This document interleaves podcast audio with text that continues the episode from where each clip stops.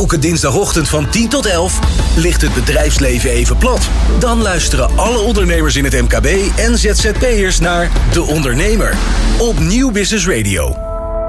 Hallo en welkom bij het wekelijkse radiouur van De Ondernemer. Het belooft een gevarieerde uitzending te worden. Met Elske Doets van Doetsreizen bespreek ik de toerismebranche anno nu, de Turkije-actie van Corendon en natuurlijk haar nieuwe boek Bloei.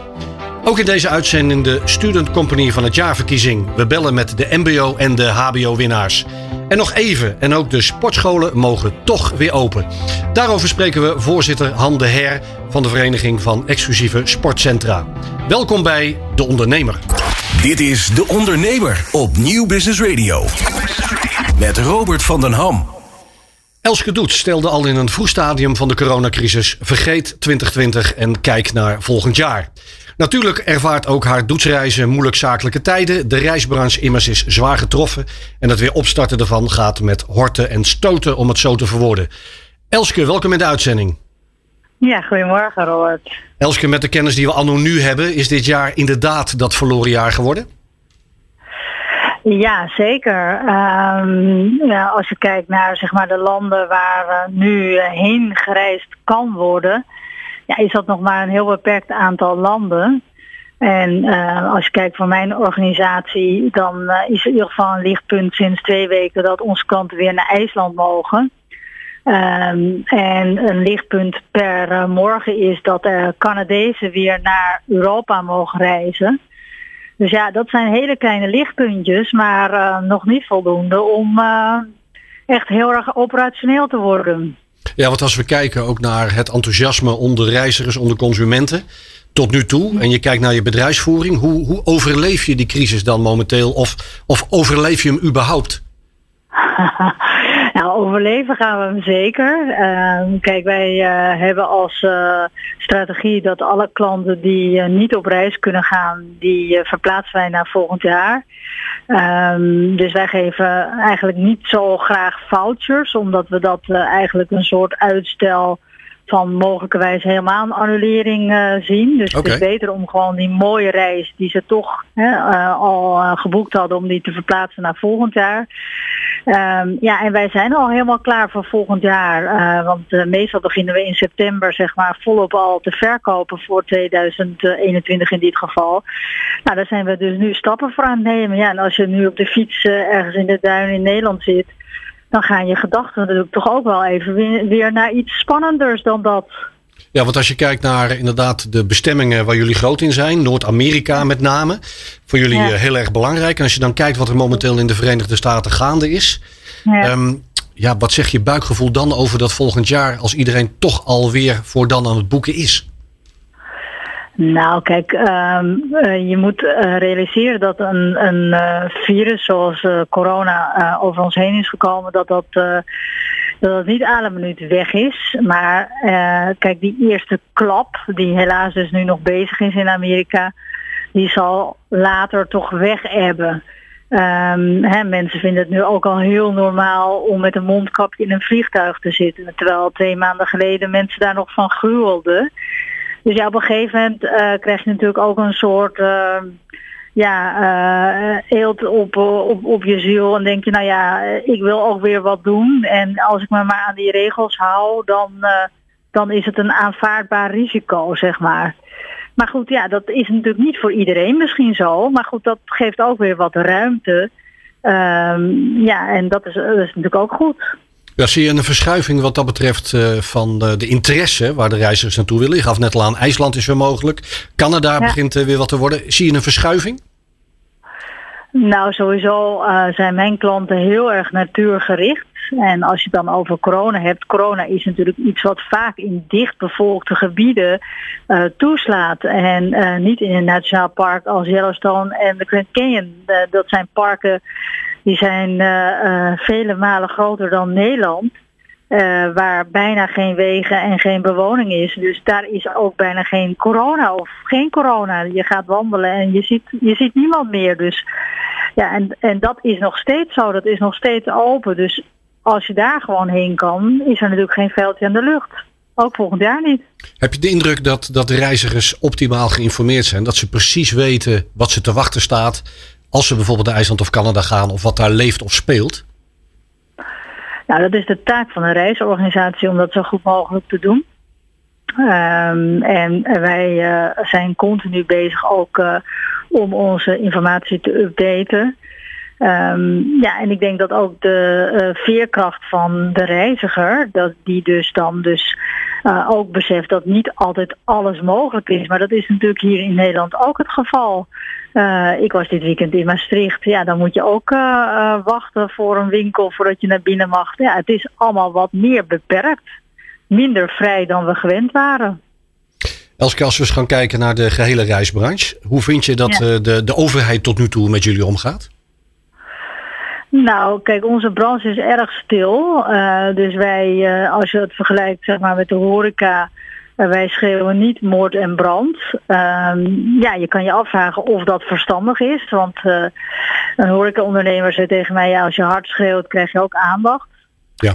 Wij zijn natuurlijk, als je kijkt naar alle branches, zijn wij de enige branche die dus nog niet is opgestart. Of zeer beperkt is opgestart. Ja, um, ja uh, weinig, uh, weinig oog is er voor ons om ons echt te gaan helpen. En ja, dat is toch heel erg zonde. Want als je kijkt naar bijvoorbeeld de repatriëring. Um, hè, dus van alle Nederlanders, uh, volgens mij waren dat er ruim 200.000 buitenland waren in maart. De reisorganisaties hebben als taak om die mensen terug te halen. Dat is ons vak. Dus liever sturen we natuurlijk mensen op reis. Uh, ja, in mijn organisatie was dat binnen tien dagen waren al onze reizigers terug. Maar als je dus niet met een reisorganisatie op reis gaat, ja, dan wordt het allemaal heel dramatisch. Want ja, dan opeens heb je geen vangnet waarop je terug kan vallen. Dus ja, dat wordt toch onderschat, Ja. ook door de politiek, vind ik. En ehm, ja, om nou dus te spreken van dat er een handreiking überhaupt naar ondernemers is gedaan door de politiek. En we worden natuurlijk financieel heel erg goed geholpen. Maar ja, wij, wij zijn wel echt het kind van de rekening, eh, om heel eerlijk te zijn. Dus misschien hadden we wel toch op dat Malieveld moeten gaan, eh, gaan staan. Ja, want, als want, Frank Oostdam, directeur van de ANVR, die heeft eh, de overheid nadrukkelijk om financiële steun gevraagd. Ja, want is niet ja, gelukt. is niet gelukt. Veel van je collega's staan wel Nee. op omvallen. Dat is wel aan de hand. ANVR lijkt geen gehoor te krijgen. Maar wat zegt dat dan, Elske? Is dat dan ANVR? Is dat Den Haag wat geen begrip heeft of wil hebben? Hoe zie jij dat? Nou ja, ehm, ja, je kan zeggen, dan is misschien die lobby niet sterk genoeg. Ehm, ik heb daar geen oordeel over, maar het is natuurlijk wel. Eh, wij hebben als branche natuurlijk wel het gevoel dat er met twee maten gemeten wordt. Want onze KLM wordt wel geholpen Precies. en wij worden niet geholpen. En ehm, ja, ook de KLM, mind you, is voor 80% van de passagiers afhankelijk van die reisbranche. Dus ja, eh, geeft dat een dubbel gevoel. En ehm, ja, vind ik spijtig dat, eh, dat er toch wel erg eh, naar één grote partij gekeken wordt. In dit geval de KLM. En de rest mag het uitzoeken. Terwijl uiteindelijk iedereen afhankelijk van elkaar is. Want wat zijn de signalen die jij zelf doorkrijgt van je eh, collega uit de reisbranche? Want is het inderdaad ook op dit moment nog met de vooruitzichten die we nu hebben, nog zo stevig gesteld met, nou ja, goed, de, de kans op omvallen de komende periode? Um, nee, ik bepraat redelijk beperkt met uh, uh, collega's. Uh, maar het hangt er heel erg van af. Ja, hoe, hoe financieel gezond was je in 2019? en als dat al wat wankel was, dan kan dat natuurlijk wankeler worden of fataal zijn. Ja. Als je gewoon een heel solide bedrijf hebt, zoals ik dat heb, al 39 jaar, ja, dan kan je zo'n klap aan. Uh, maar dan moet je natuurlijk wel je gaan resetten voor ook de toekomst. Want je moet je niet denken dat volgend jaar nu opeens alles weer uh, terug, hè, terug naar het oude niveau is. Dat gaat, dat gaat jaren duren en reizen wordt gewoon anders. Ja, en dat begint natuurlijk ook wel bij het vertrouwen van de consument. Ja, maar ik denk dat een heleboel consumenten. Uh, je hebt twee soorten consumenten. Er zijn consumenten die denken: zodra ik weer kan, ga ik. En je hebt consumenten uh, die dat niet willen of kunnen. Uh, nou ja, goed, uh, die vallen dan af. Maar ik denk dat het ook wel realistisch moet zijn dat, dat het aantal bewegingen wat, wat er was tot 12 maart. toerisme was de grootste of snelst groeiende tak van sport wereldwijd. Ehm, ja, dat is dus nu uh, geïmplodeerd. En ehm, ja, is dat nou ook zo goed, zeg maar? Al die mobiliteit, hè? steden als Venetië en Barcelona worden gewoon platgelopen. Venetië, Venetië zinkt bijna onder het aantal toeristen wat, wat van cruiseschepen afkomt. Is dat nou zo fijn? Ja, ja uh, dus ja, ik denk dat het ook wel even een soort wake-up call is om te zeggen van uh, ja, hoe kunnen we dat nou beter aanpakken en ook duurzamer aanpakken. Ja, want, want die discussie is natuurlijk juist ook in deze coronacrisis ontstaan. Hè? Je noemt het trefwoord al, duurzaamheid. Een, een heel duidelijk zichtbaar sentiment ook binnen, binnen toerisme. Uh, eh, CO2, minder vliegen. Dat is wel jouw core business. Hoe, hoe, hoe, hoe kun je daarin staan? Hoe sta je daar dan in, in die discussie? Um, nou, kijk, ik, ik vind dat je ten alle tijden moet je uh, oog hebben voor de omgeving. En uh, uh, als je kijkt naar mijn bedrijf, hè, ik zit dus in zeg maar reizen met een doel. Dus mijn klanten gaan uh, op reis weliswaar ver. Hè, dus dat is, dat is negatief, want dan zitten ze lang in een vliegtuig, is er veel CO2-uitstoot. Ja.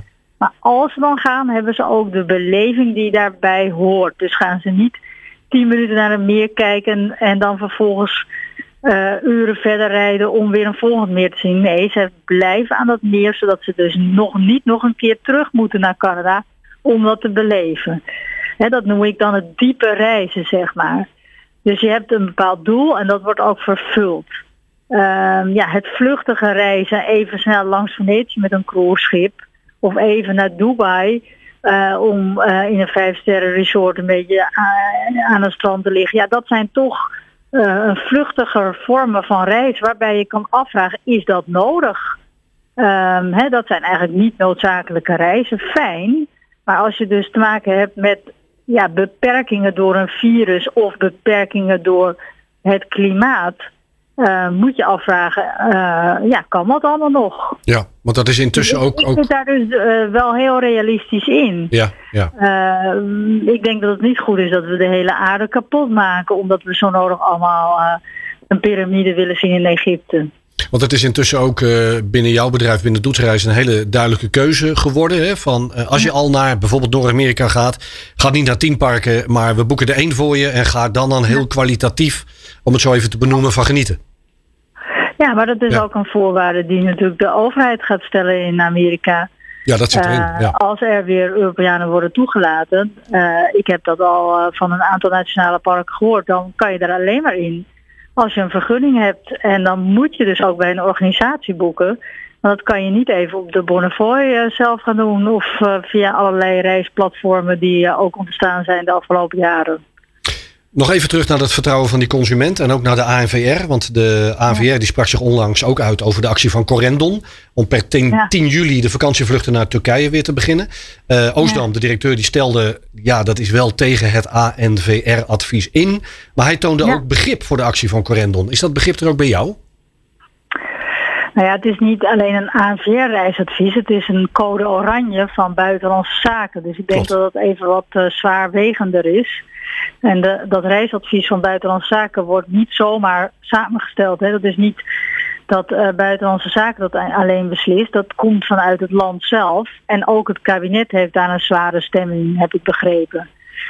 Uh, ja, kijk, je, kan het op twee manieren bekijken. Uh, ik denk dat als er een code oranje is, dan, is dat, uh, dan, dan moet je dat niet willen als organisatie, want je hebt een grote mate van aansprakelijkheid voor je reizigers. Dus, uh, dus waarschijnlijk speelt er een economisch belang mee, dat kan. Maar ik denk dat er ook een uh, signaalbelang meespeelt. En uh, op dat punt vind ik het dan goed dat de Corendon probeert toch duidelijk te maken van hé, hey, die nood is erg hoog. Ja. wij moeten weer wat gaan doen. En doe wat voor onze branche. Um, en um, op dat punt vind ik het een, een, goede actie. Maar als ik de ondernemer was, ja, zou ik wat braver zijn. Okay. Want code oranje is code oranje. Ja, het, het, is wel wat je zegt. Er is wel een discussie op gang gekomen. Hè? Dus natuurlijk wel heel makkelijk om ja. dat ook achteraf te constateren dat dat een reden zou kunnen zijn. Maar het is wel een feit. Ja. Ja. Klopt. Um, Elske, je hebt een heel eigen kijk op economische voorspoed. Dat lezen we ook heel duidelijk terug in je nieuwe boek in Bloei. Om dat bruggetje maar even te maken. wat een timing eigenlijk. Hè? Je boek komt eigenlijk op een wel heel interessant moment. Ja, ja, dat is uh, puur toeval. Want ik heb het vorig jaar was ik op vakantie in Corsica en toen is dat idee ontstaan. Het boek was al af in februari. dus voordat de hele coronacrisis eigenlijk over ons heen viel. En eigenlijk de aanleiding van het boek is heel erg dat ik ehm, ja, door mijn non-profit initiatief, de Young Lady Business Academy, daar probeer ik dus jonge vrouwen tussen de 15 en 24 klaar te stomen voor ondernemerschap, een topcarrière in de corporate wereld of politiek. Ja.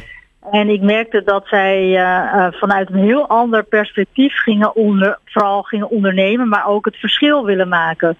Dus zij zoeken veel meer een gat in de maatschappij, dus een probleem, dus bijvoorbeeld het klimaat of de vergrijzing of migratie. En gaan daarmee ondernemen en uiteindelijk kan dat dus ook een gat in de markt worden. Dus eigenlijk ging ik als ondernemer gewoon geld verdienen, mensen op reis sturen en dacht ik, oké, ik heb succes. dat, dat is een soort gat in de markt en dan ga ik ook nog wat terug doen. Maar zij keren het dus om. Ja. En ehm, ja, dat is dus eigenlijk de basis van, uh, van het boek. Want ik denk dat het nieuwe ondernemen niet alleen maar is uh, uh, een gat in de markt vinden, maar dat je veel breder moet kijken. ook naar welzijn, hè, dus ook naar klimaat, waar we het net over hadden hoe kunnen we het allemaal een beetje leuk houden voor elkaar. Um, en uh, ja, dat sluit groei ook niet uit, laat ik dat vooropstellen. Ik kijk er dus breder naar. Dus vandaar dat het bloei heet, een nieuw scenario voor groei. Ja, ja of, of zoals ik ook las, uh, de, de contouren van een economie die levensgeluk niet langer als bijproduct beschouwt.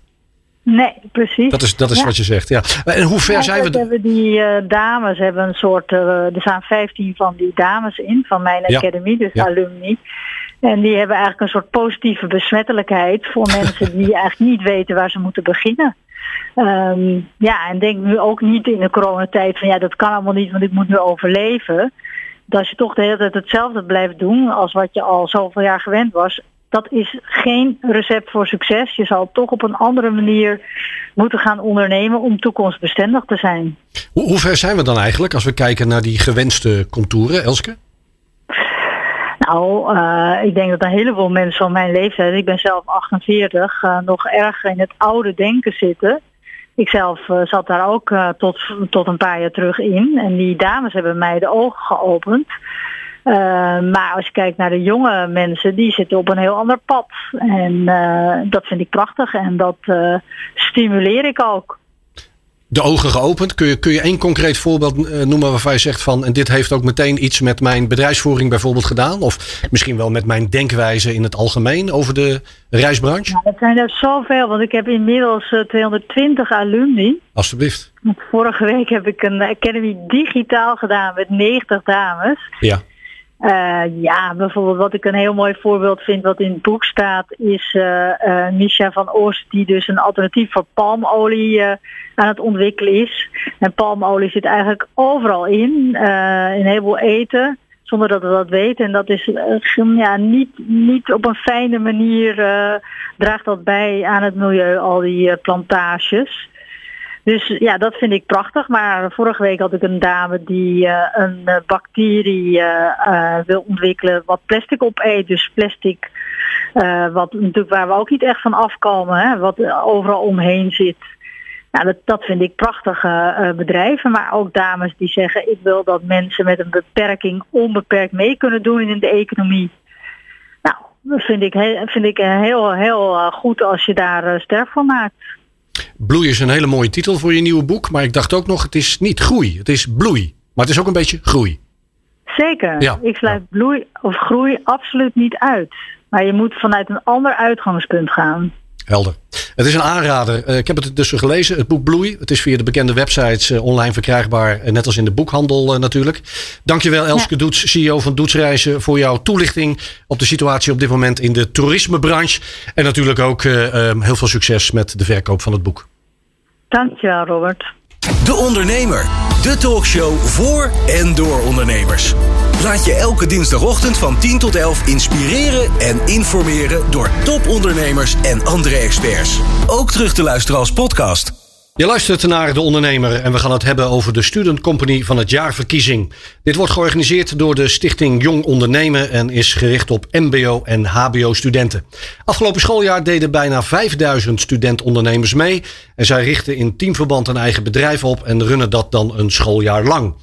De competitie Student Company van het jaar is er een onderdeel van en we hebben de winnaars in de uitzending. En dan beginnen we met Janine van Loenen en zij is van het Hout- en Meubileringscollege uit Rotterdam. Janine, welkom in de uitzending. Ja, goedemorgen. Janine, voordat we verklappen wat jullie bedacht hebben, waarom leek het jou sowieso leuk om mee te doen aan die eh, Student Company van het jaarverkiezing? Uh, nou, allereerst zeg maar natuurlijk het vak ondernemen. Dat ja, sprak me al ontzettend erg aan. Ja. Dus dat was sowieso heel erg leuk om, uh, om te gaan doen. En toen zei mijn docent van, uh, nou ja, laat jongens je allemaal mee, want het is echt een unieke kans. En ja, je leert er ontzettend veel van. Dus nou ja, eigenlijk met die instelling zijn we eigenlijk als team ook die wedstrijd ingegaan. En ja, echt, ik heb er echt nu al ontzettend veel van geleerd. Dus ja, dat was denk ik ook wel een beetje het doel van het hele team. En zo is het, want je hebt samen met je team, met de medestudenten, bektassen bedacht. Kun je ons Ja. eens meenemen hoe dat precies in zijn werk is gegaan? Eh, ja, nee, aan het begin van het jaar moesten we dan allemaal een, eh, een pitch geven, dus een idee bedenken en eh, dat pitchen in de klas. Ja. En ehm, zodoende kwam eigenlijk ja, de hele klas, we hadden volgens mij 26 ideeën om het zo maar te zeggen. En één daarvan was dus een tas die speciaal gemaakt is voor A3-formaat. En dat klinkt een beetje gek, maar wij doen een opleiding tot interieuradviseur. Dus wij werken met hele grote tekeningen. En eh, daarvoor hadden we van school uit een koffer gekregen, die was van plastic. En eigenlijk, ja, de meeste konden we binnen een maand al weggooien, omdat ze zo snel kapot gaan of ze scheuren. En ze waren ook vrij onhandig in het OV. Dus ik dacht, nou, daar moet iets op bedacht worden, dat er gewoon een tas komt die ja, voor onze school eigenlijk, dus voor onze medestudenten, eh, ja, die zij kunnen gebruiken om hun tekeningen in te vervoeren. En die er ook nog eens ja, leuk uitziet met een eigen logo of een eh, leuke opdruk. Zodat je daar ook uh, mee naar de klant kan komen. En eh, dus ja, eigenlijk gewoon echt een representatieve tas. In plaats van zo'n plastic koffer die ook nog eens ja, snel kapot gaat. Dus ook slecht voor het milieu is en totaal niet duurzaam. En toen dacht ik, ja, daar moeten we iets op vinden. Dat, dat, ja, dat we wel duurzaam ja, die tekeningen kunnen vervoeren. Ja, want het is een tas van, van A3-formaat. Het is natuurlijk een stevig formaat, maar het is inmiddels ook duidelijk waarom je dat bedacht hebt. Waar, waar is de Ja. tas van gemaakt? Eh, nou, momenteel is hij nog eh, helaas van eh polyestervilt. Ik zeg helaas omdat we ja, ontzettend ons best doen om een materiaal te vinden wat echt helemaal duurzaam is. Het materiaal wat we nu hebben is wel recyclebaar. Het is namelijk van PET ehm, gemaakt. Dus dat zijn eh, oude PET-flesjes en zo. Dus ja, dat is wel positief. Maar we willen eigenlijk echt naar een materiaal wat eh, ja, nog veel duurzamer is in eh, productie. En ehm, ja, wat wel scheelt is dat het vilt al veel en veel langer meegaat dan de, het normale plastic wat we in die koffers hadden. En het, scheurt natuurlijk ook niet.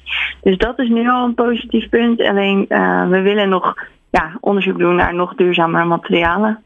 Want, want dan heb je dat idee, hè? dat bedenk je dan samen met de medestudenten. Je bedenkt een leuke naam, bektas. eh, nut en noodzaak zijn duidelijk. Maar dan ga je dus ook dat productieproces een keer in. Hè? Inderdaad ook eh, het materiaal van die tas. Hoe gaat dat in zijn werk? Hoe, hoe krijg je dat überhaupt gerealiseerd? Nou, wij zijn, het, scheelt wel eens dat we eh materialenkennis krijgen op school. We zijn al best wel veel ja, bezig met eh, dingen ontwerpen en, en eh, op die manier. En op school hebben we ook een lab en daar kunnen we eigenlijk heel veel, eh, heel veel doen. Dus het bedrukken en eh, dat deden we bijvoorbeeld ook zelf van de tassen.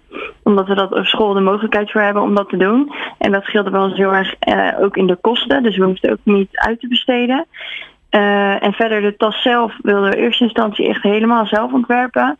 Uh, maar dat is nog wel echt een toekomstplan dat we, ja, als we willen doorstarten, dat we dan uh, echt zelf een tas ontwerpen en die dan laten maken. Het enige is dat je dan al vaak rond de 2.500 stuks moet afnemen. Okay. En dat was het moment dat we ja, begonnen nog niet echt uh, ja, uh, realistisch en rendabel, zeg maar. Dus we willen nu echt gaan kijken naar een eigen ontwerp. En ja, de opdrukken wat we dan ook doen, dat doen we dan wel zelf. helaas door de corona hebben we het wel moeten uitbesteden. Ehm, maar dit gaat ja, naar onze mening ook al heel erg goed. Dus uh, ja, wie weet dat we het aankomend schooljaar wel weer zelf kunnen doen. Maar nu is het in ieder geval ook heel goed geregeld.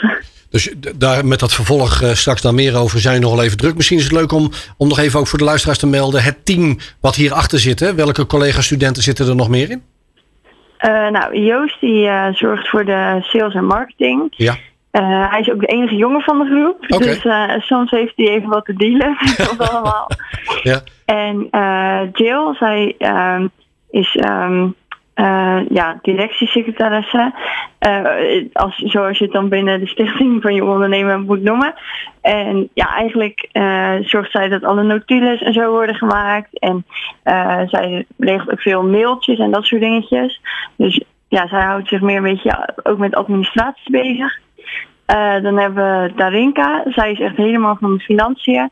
Echt, zij weet echt alles. Ze doet de boekhouding. En ja, dus zij is daar super handig in. Dan hebben we nog Andrea en zij is uh, creatief directeur binnen het groepje. En zij ja, ontwerpt dus ook veel dingetjes en flyers en posters en dat soort dingen. Dus daar is zij voornamelijk druk mee bezig. En dan hebben we Quinty. En zij is momenteel heel erg druk bezig ook met productie. Want dat is, wordt nu bij haar in de buurt gedaan.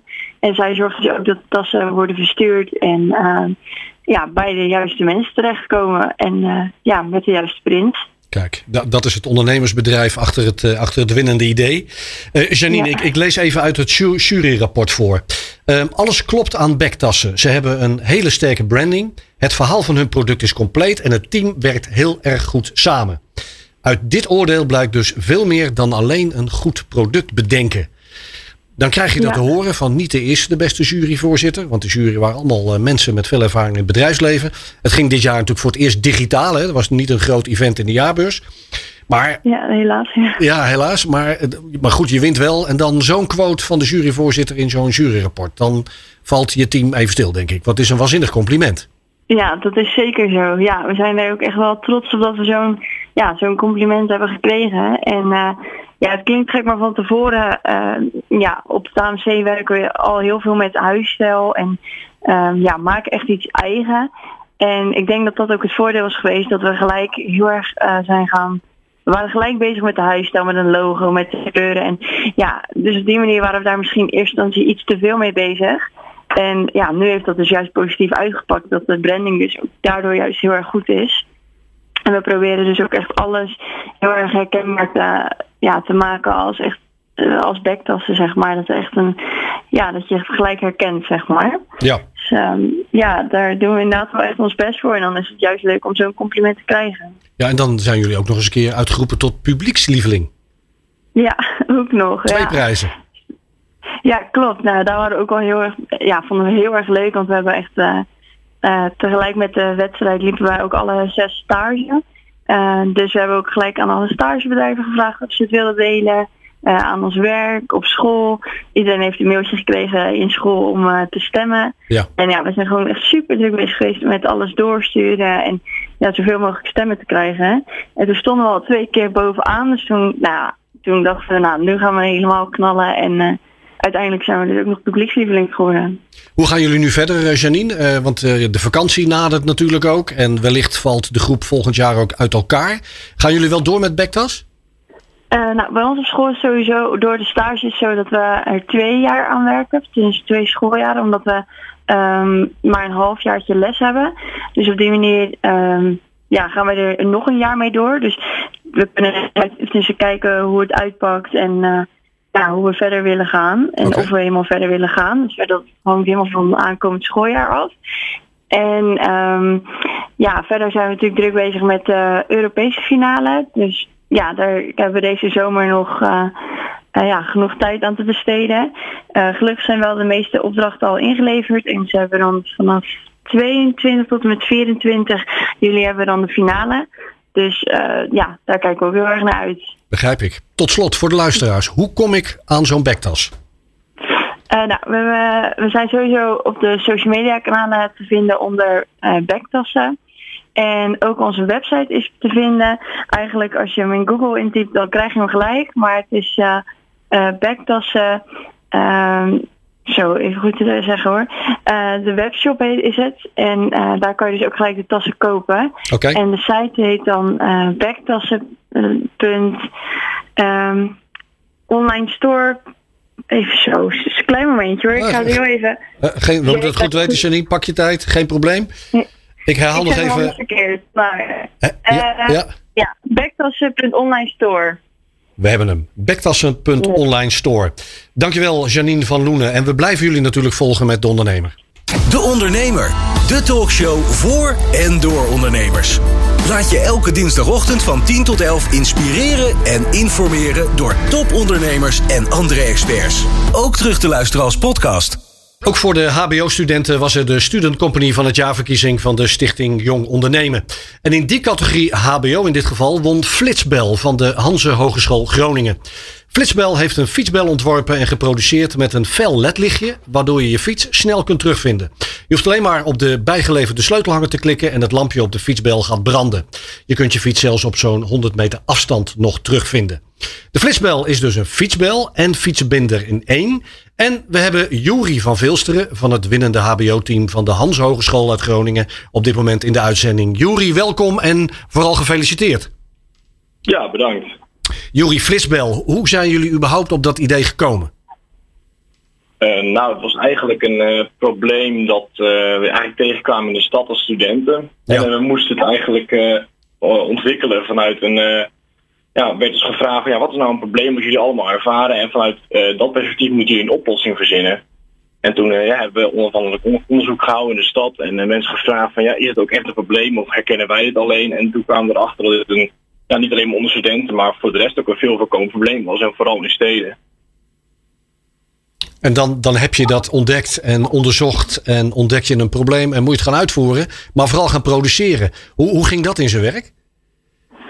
Um, ja, we zijn uh, nog, we waren heel lange tijd nog druk bezig in ontwikkeling. Ja. Maar we hebben vooral de afgelopen tijd natuurlijk heel veel publiciteit gekregen. En ook uh, in onze bericht stond dat we nog op zoek waren naar partners die ons konden helpen met het produceren op grote schaal. En daar hebben we nieuw contact opgenomen met een partner die eigenlijk ja, de hele productie eigenlijk wel zou willen doen voor ons. Oké. En het assembleren ook, dus dat is, dat is heel fijn. Want uh, hiervoor deden we eigenlijk alles zelf. Maar echt om het, ja, nu er wat meer vraag is en op grote schaal hebben we natuurlijk wel een partner nodig. En die hebben we dan nu ook gevonden. Ja, want als je jullie studentenbedrijven zonder de loep neemt, Jury. Um, hoe zijn jullie georganiseerd en hoe bepalen jullie samen wie wat doet? Um, ja, we zijn eigenlijk begonnen met de zevenen. Ja. Toen zijn we uiteindelijk, um, ja, toen kwam een beetje de coronacrisis en uh, toen zijn we doorgaan de halve finale met drie man die zichzelf er echt op focussen. Dat is dan uh, ik, uh, Luc en Gijs.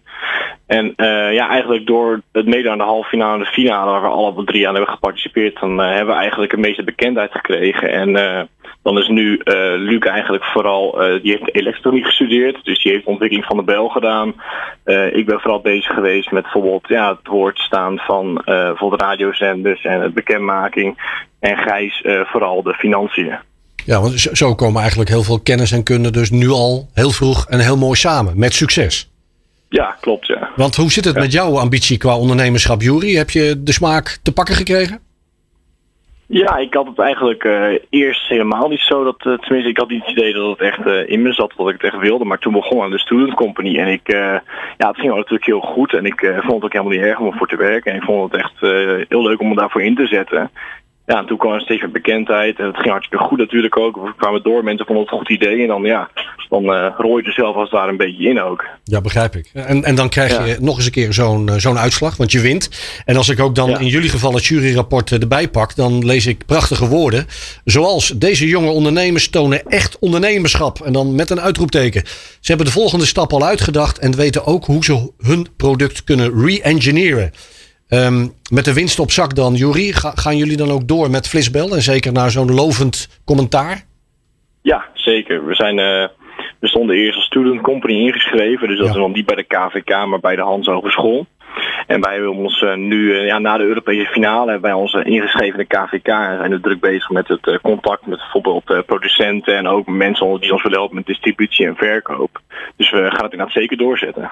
Ja, want die online Europese finale is van 24 tot en met 26 juni. ga je hier en dan nog wat fine-tunen om daar ook een kans te maken op Het podium? Nee, de Europese finale wij, wij al gehad. Oh, die hebben jullie al gehad. Ehm, Kijk. Ja, daar zijn wij wel genomineerd voor, eh, voor twee aparte prijzen. Dat, we dan als, eh, de, dat worden wij bij de vijf beste van Europa. Maar uiteindelijk hebben we de finale niet gewonnen helaas. Ah, helder. Maar, maar natuurlijk wel heel veel contact gekomen met bijvoorbeeld men, mensen van Microsoft en grote bedrijven die ons bijvoorbeeld ook inspireren en ons ja, het ook een heel goed idee vinden en ook heel veel tips gekregen. Begrijp ik. Um, heel even, mooi. Dan even terug naar Nederland. als ik hem wil bestellen, waar kan ik de flitsbel verkrijgen? Uh, de flitsbel is op het moment te bestellen uh, in, uh, op onze webshop. Maar die zijn op het moment zijn we die nog aan het aanpassen. Want wij willen bijvoorbeeld onze eigen website zelf creëren. En we hebben het nu nog online via een andere platform gedaan. Ja. Dus we zijn nu een online website aan het ontwikkelen. Dat bijvoorbeeld ook echt via die kan betalen. En je kan ons volgen op Instagram en op Facebook. En daar ja, houden we eigenlijk iedereen op de hoogte van de ontwikkelingen van de bel. Of er nog nieuwtjes zijn en waar iedereen hem kan kopen. Kun je al iets zeggen over... natuurlijk de website afgelopen, wanneer de website af is. Precies, want kun je al iets zeggen over wat die gaat kosten? Uh, ja, de, de kosten op het moment zullen waarschijnlijk tussen de 15 en de 20 euro zijn. Maar dat ligt ook nog een beetje aan de afspraken die we met de producent doen. Ja. Dus de exacte prijs durf ik nog niet helemaal te zeggen. Maar jullie insteek is in eerste instantie wel om hem vooral of louter online te verkopen? Ja, ja, en we zijn nu ook uh, in contact met een, uh, een, aantal retailers die ook wel uh, ja, interesse tonen om onze producten in hun winkel te verkopen. Dat is natuurlijk al heel mooi.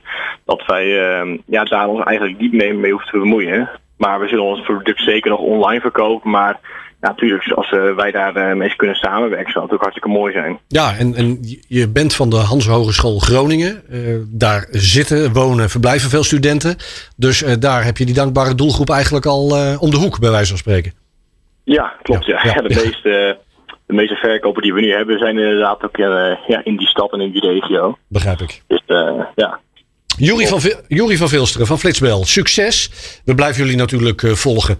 Alle informatie over de Student Company van het jaarverkiezing, maar ook over allerlei andere ondernemersinitiatieven voor scholieren en studenten, lees je op jongondernemen.nl. Elke dinsdagochtend van 10 tot 11 ligt het bedrijfsleven even plat. Dan luisteren alle ondernemers in het MKB en ZZP'ers naar De Ondernemer op Nieuw Business Radio. Je luistert naar De Ondernemer op Nieuw Business Radio.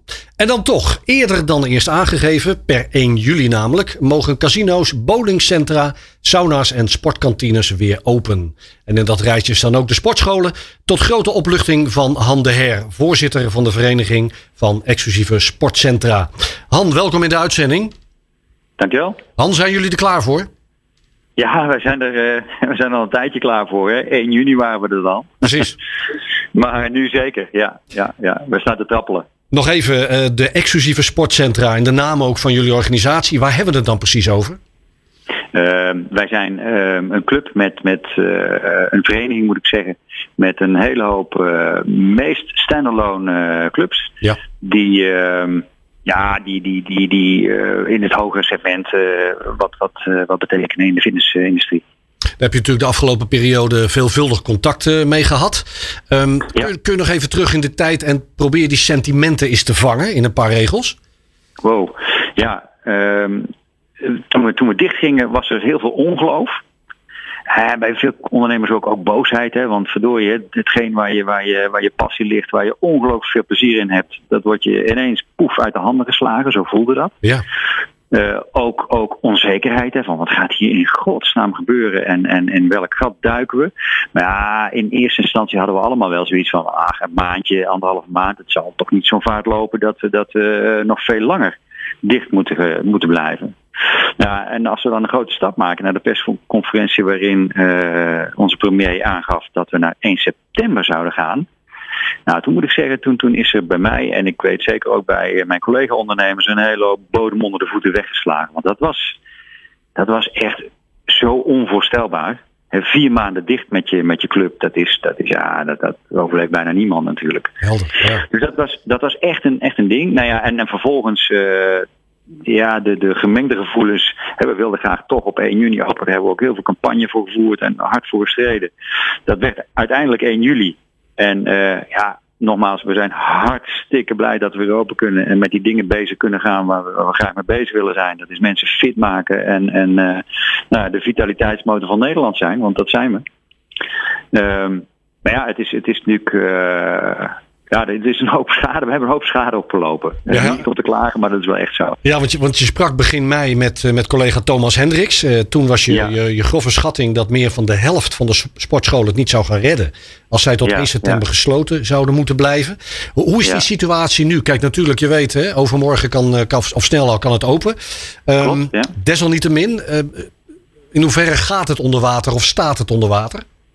Ja, vind je het goed als ik, als ik je een klein beetje meeneem in ons businessmodel? Want dat verklaart denk ik veel. Ja. wat, wat, uh, wij, wij, verkopen natuurlijk lidmaatschappen, even heel plat gesproken. Um, en je moet je voorstellen dat uh, een, een, hele grote belangrijke kern van ons, dat zijn de mensen die fit zijn, sportief zijn, graag aan sport doen, die blijven. We hebben allerlei buitenactiviteiten georganiseerd, online dingen gedaan. Die mensen die zijn allemaal nog bezig. Die zijn gewoon lekker nog aan het trainen, die zijn bij ons. Maar dan komt er een schil van mensen die we heel moeilijk naar die sportschool krijgen. Waar het misschien wel het allerbelangrijkste is om toch naar de sportschool toe te komen. Ja. En dat is ook de categorie mensen die, um, ja, even onerbiedig, elk excuus aangrijpt om niet meer te gaan.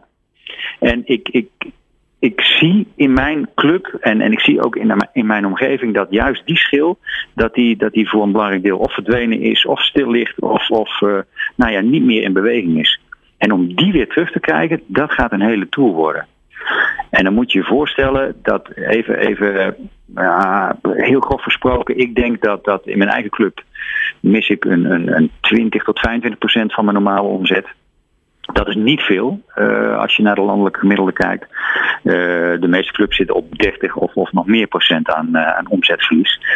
En dat is natuurlijk hartstikke veel. En als je die mensen dus niet snel terug gaat krijgen, ja, dan heb je, dan heb je echt een probleem komende half jaar en drie kwart jaar. Mijn verwachting is dan ook, en dan kom ik terug bij, bij de vraag die je er straks stelde.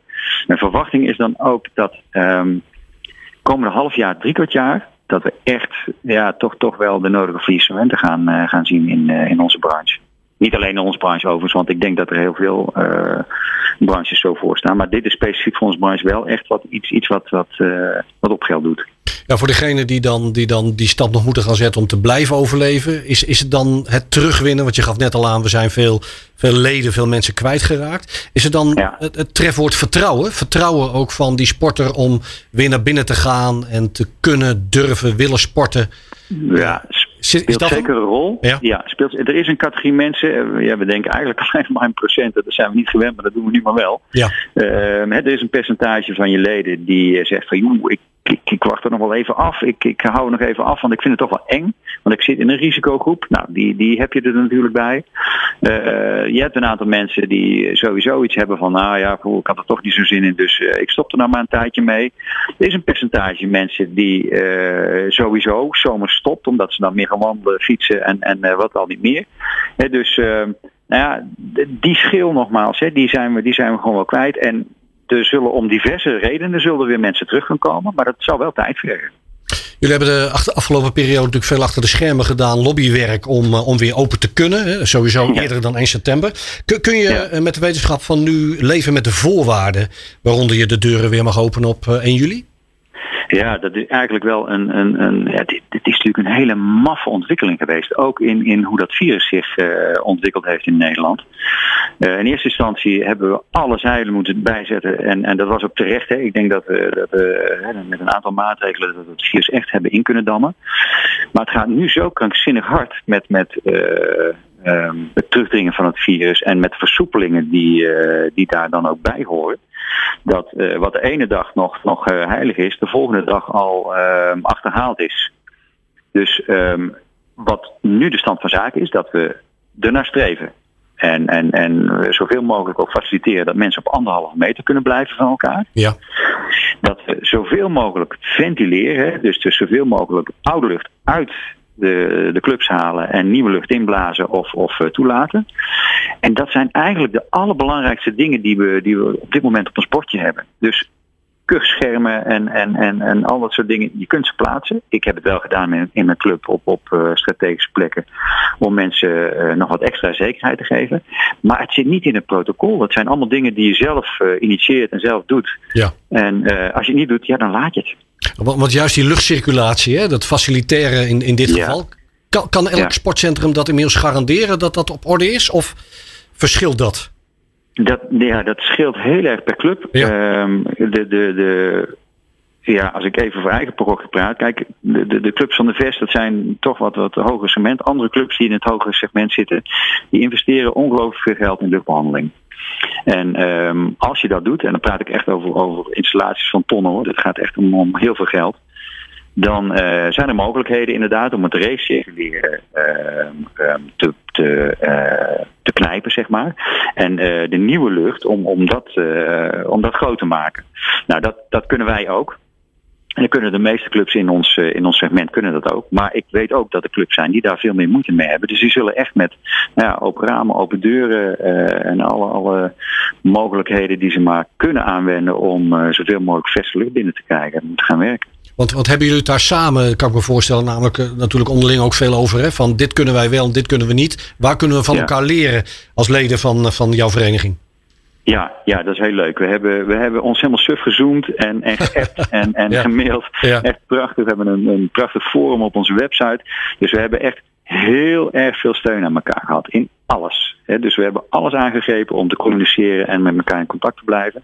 En dan zie je inderdaad dat best practices heel snel overgenomen worden. En dat eh, ja, mensen, mensen op een prachtige manier eh, met elkaar in gesprek zijn en tot, tot nieuwe dingen komen. Het leidt ook weer tot mooie dingen. Dus, dus never waste a good crisis. Dat hebben we ook wel gemerkt. Ehm, er zijn hartstikke mooie dingen uit voortgekomen. Ik denk dat bij geen enkele zichzelf respecterende club het digitaal lesgeven nu helemaal weggedacht zag worden. Precies, gebeurt niet meer. Ja. Eh, buiten lesgeven, waar mogelijk. Man, mensen bij mij in de club die hebben genoten van, van, van de yoga buiten, van de groepslessen buiten, van weet ik wat al niet meer. Dus ik ga achter mijn club ga ik een kunstgrasveld maken waarop ik eh, buitenles ga geven. Ja. Weet je, dat soort mooie dingen komen er ook wel weer uit voort. Ja, ja. Nog even Han en dan is het 1 juli. Ja, man, hartstikke mooi. Ik ben er zo blij mee. Begrijp ik. Ja. Succes. We blijven ook jullie natuurlijk eh, volgen. Ehm, dit was hem. Het wekelijkse radiouur van de ondernemer. Je kunt het terugluisteren op de bekende podcastkanalen. In de app van het AD. En natuurlijk op onze website deondernemer.nl. Tot een volgende. De Ondernemer. De talkshow voor en door ondernemers.